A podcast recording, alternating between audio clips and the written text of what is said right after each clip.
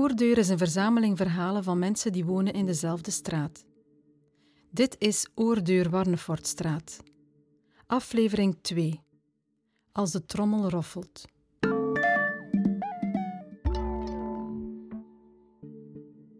Ooit bewoonde hij het grote huis met zijn tienerkinderen, nadat hij was weggegaan bij zijn vrouw. Vandaag betrekt hij de benedenverdieping. De bovenverdiepingen zijn verhuurd aan een Afrikaanse familie. Ik ben hier gekomen in 87 thuis gekocht. En dus in 1990. Dat waren hier nog allemaal Vlamingen, voor zover dat ik weet.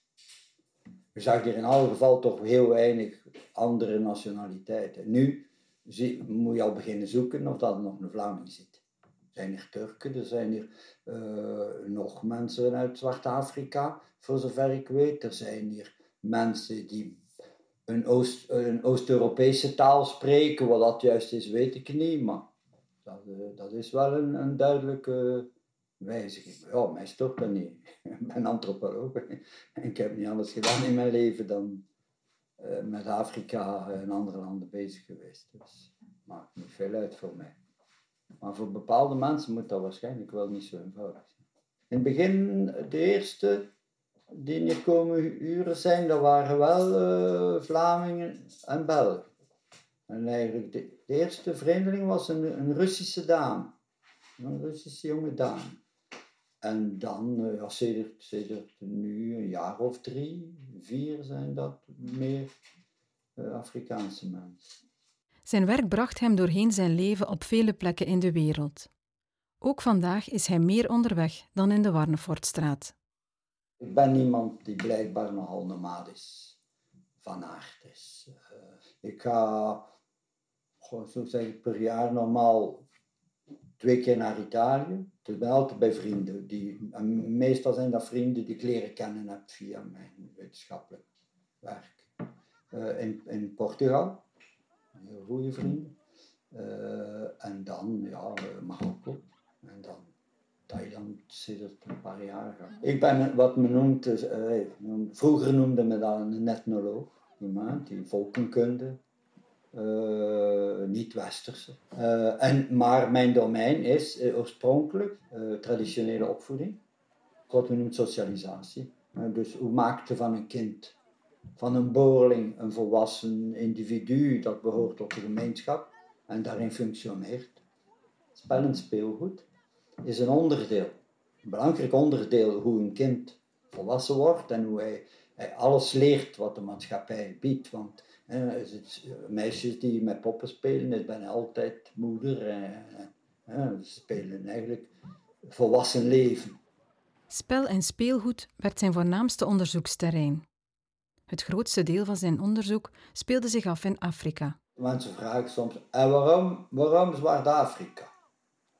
Ik zeg, als je geen enige uitleg wilt, ik zeg, kijk, ik maar, kan u maar twee redenen opgeven. Ik zeg, één, ik heb te veel gezien. En twee, als de trommel roffelt, dat doet mij iets. Maar dat is eigenlijk bij IBNA, omdat dat zijn golven die, die uh, ze zeggen nu hart doen klopt, bij manier van spreken. Bij mij misschien iets meer of bij een. En als u dan nog een reden moet we hadden wel in de familie een missionaris. Maar ja, wie, wie had dat niet? Eh, er zijn weinig Vlaamse families die geen missionaris hebben in hun contrée. En, zo. en dat is waarschijnlijk wel de dat zowel Zuid-Amerika of... En ook het gevoel waarschijnlijk dat Vlaanderen te klein was. Nou, dan op de leeftijd van 15, weet ik, jaar of zoiets. En van die Tarzan-films is goed mogelijk, want mijn vader had cinemas. Mijn vader was een uitbater van cinemas. Vijf weken cinemas in Gent, die niet meer bestaan. Na verschillende perioden van onderzoek in de jaren 70 belandde hij terug in Gent. Hij zag een vacature om een migrantencentrum op te richten. Hij solliciteerde en werd aangenomen. En ik, en ik mijn groot gedacht, denkend, dat dat was omdat ik uh, uh, toch islam had gestudeerd en toch ook een basis van Arabisch had en zo en al. En dan blijkbaar de schepen die uiteindelijk beslist. Uh, heb ik jaren later, op het einde van die tien jaar, weer gezien. Ik zeg, ik ben altijd benieuwd geweest om, want ik had ondertussen vernomen, ik dacht dat er niet veel kandidaten waren, maar dat er toch een paar anderen ook waren. Uh, en uh, hij zegt, ja, dat is simpel, zegt hij. ik, ik weet van waar dat jij komt, want mijn vrouw heeft in de cinema van uw vader gewerkt. Dus was ik zeker dat jij die wijk kent. En dus eigenlijk, dat was de reden waarom. Het is vreemd, alleen vreemd, nee, op een manier juist, maar je ziet dat ik het verkeerd denk. Ik zeg altijd aan studenten, als je werkelijk iets wil, dan moet je twee eigenschappen hebben. Je moet, ja, je moet natuurlijk misschien wel slim genoeg zijn, maar ja, dat terzijde. De meeste mensen zijn dat. Uh, is, je moet doorzetten en je moet je kunnen aanpassen. Dat wil zeggen, je moet je niet blind doorzetten op iets wat dat toch, ik heb dat ook moeten. Ik, heb, was blij van in de streekkrant te lezen dat Stad Gent een sociaal assistent zocht. En ik stond op doktersniveau bij, bij, bij, bij, bij, het wetenschappelijk onderzoek was wel een serieus verschil in wedden. Maar uh, het voordeel was dat iets was dat, mij aanstond. Uh, ik had ik wel waarschijnlijk kunnen op via via op een ministerie kunnen geraken, op tenminste op licentiaatsniveau, maar om er heel dan op een bureau te zitten, nee, weet dat is niks voor mij. Als er wijsheid is, in het verhaal is dat wel. Doorzetten en aanpassen. Wat dat eerst komt, dat hangt een beetje van de omstandigheden af. Ik had altijd mooi, een, mooi, ik vond dat een mooi voor, voorbeeld, uh, visueel uitleg. Uh, je staat dikwijls voor een, in een kasteel of voor een muur. Een kasteel met een grote muur op. En je hebt een grote poort voor binnen te gaan. Ze laat nu niet binnen. Ah ja, dan moet je blijven rond, rond het kasteel wandelen tot wanneer dat de plaatsje vindt waar dat er een klein poortje is of dat niet op slot is, of, of dat de muur, hè, dat het door kunt. Dat, en dat is eigenlijk een beetje zo. Als je niet langs de grote poort binnen kunt, dan moet je proberen uh, van langs de klein poortje binnen te gaan.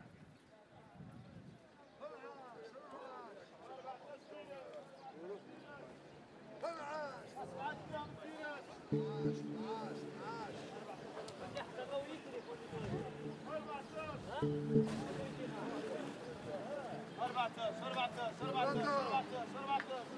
Sarı battı. Sarı battı.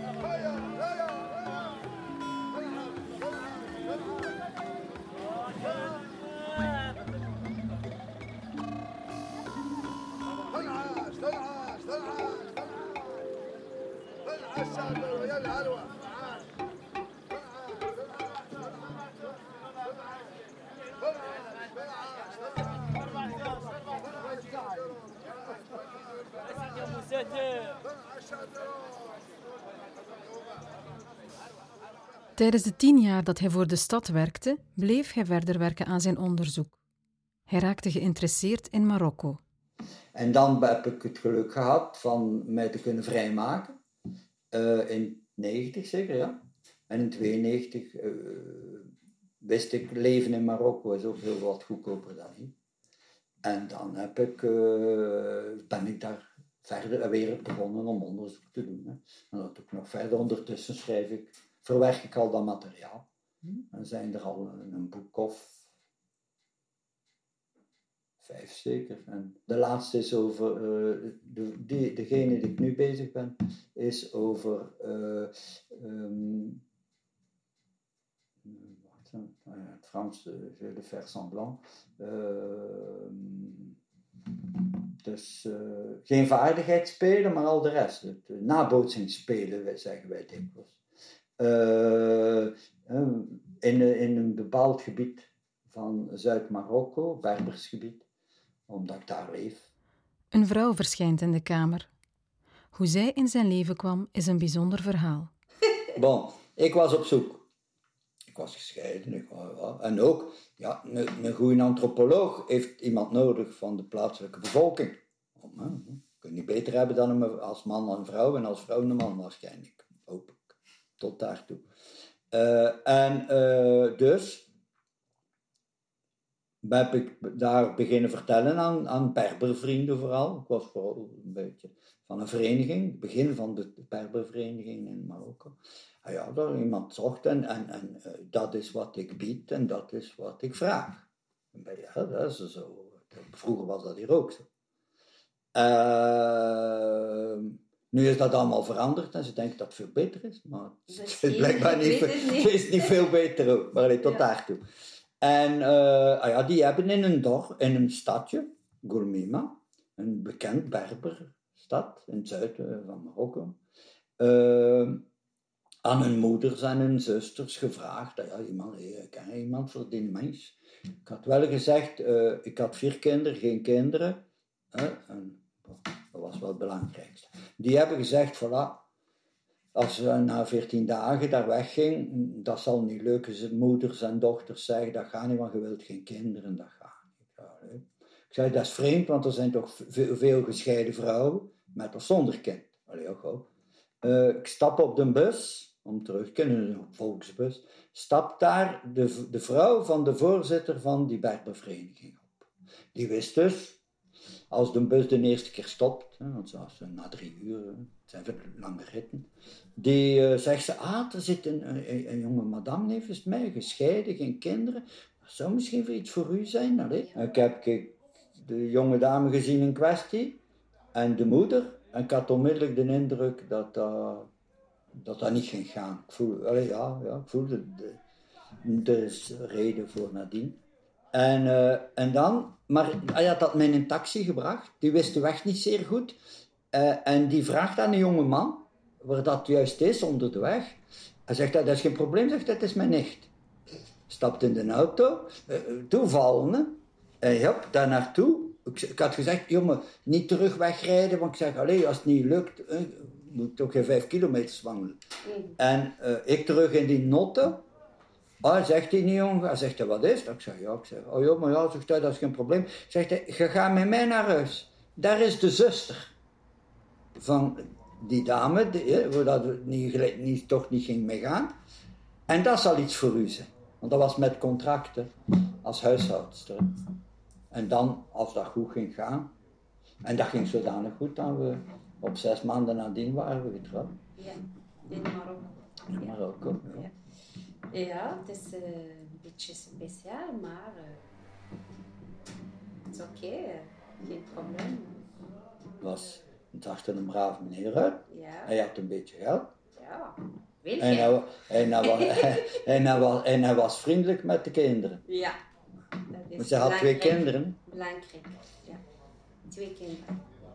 Ja. Uh, de situatie is heel bijzonder. Die is meegekomen naar Gent. Maar wij gingen daar wel op en af. Uh, tu comprends, hein? Ja, ja. ja. Si tu n'aimes pas, nee, tu nee. le dis. Hein? Nou, dat is geen probleem. Ja. Uh, en uh, wij zijn uit elkaar gegaan in 2002 of zoiets. Ja, ja. Uh, zij is uiteindelijk 15 jaar in Thailand geleefd en zij is teruggekomen en we hebben ergens beslist om op de een of andere manier opnieuw samen te zijn.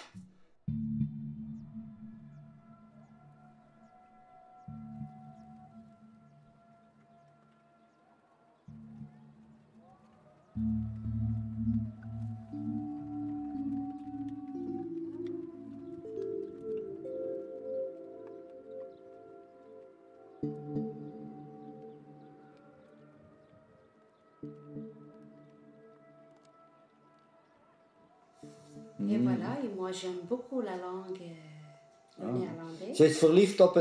Je suis amoureuse de la langue, euh, vraiment, c'est incroyable. J'aime beaucoup. Surtout quand on parle de, par exemple, une tafel, een klein tafeltje.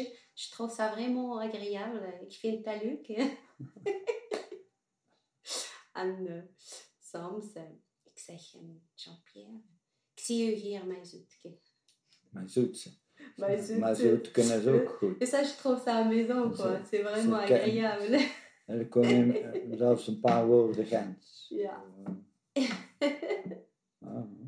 Ah, Bah, c'est rare parce que j'ai déjà rencontré, parce que j'ai fait l'école un petit peu maintenant, et j'essaye de parler euh, pendant la pause avec les gens en néerlandais pour apprendre.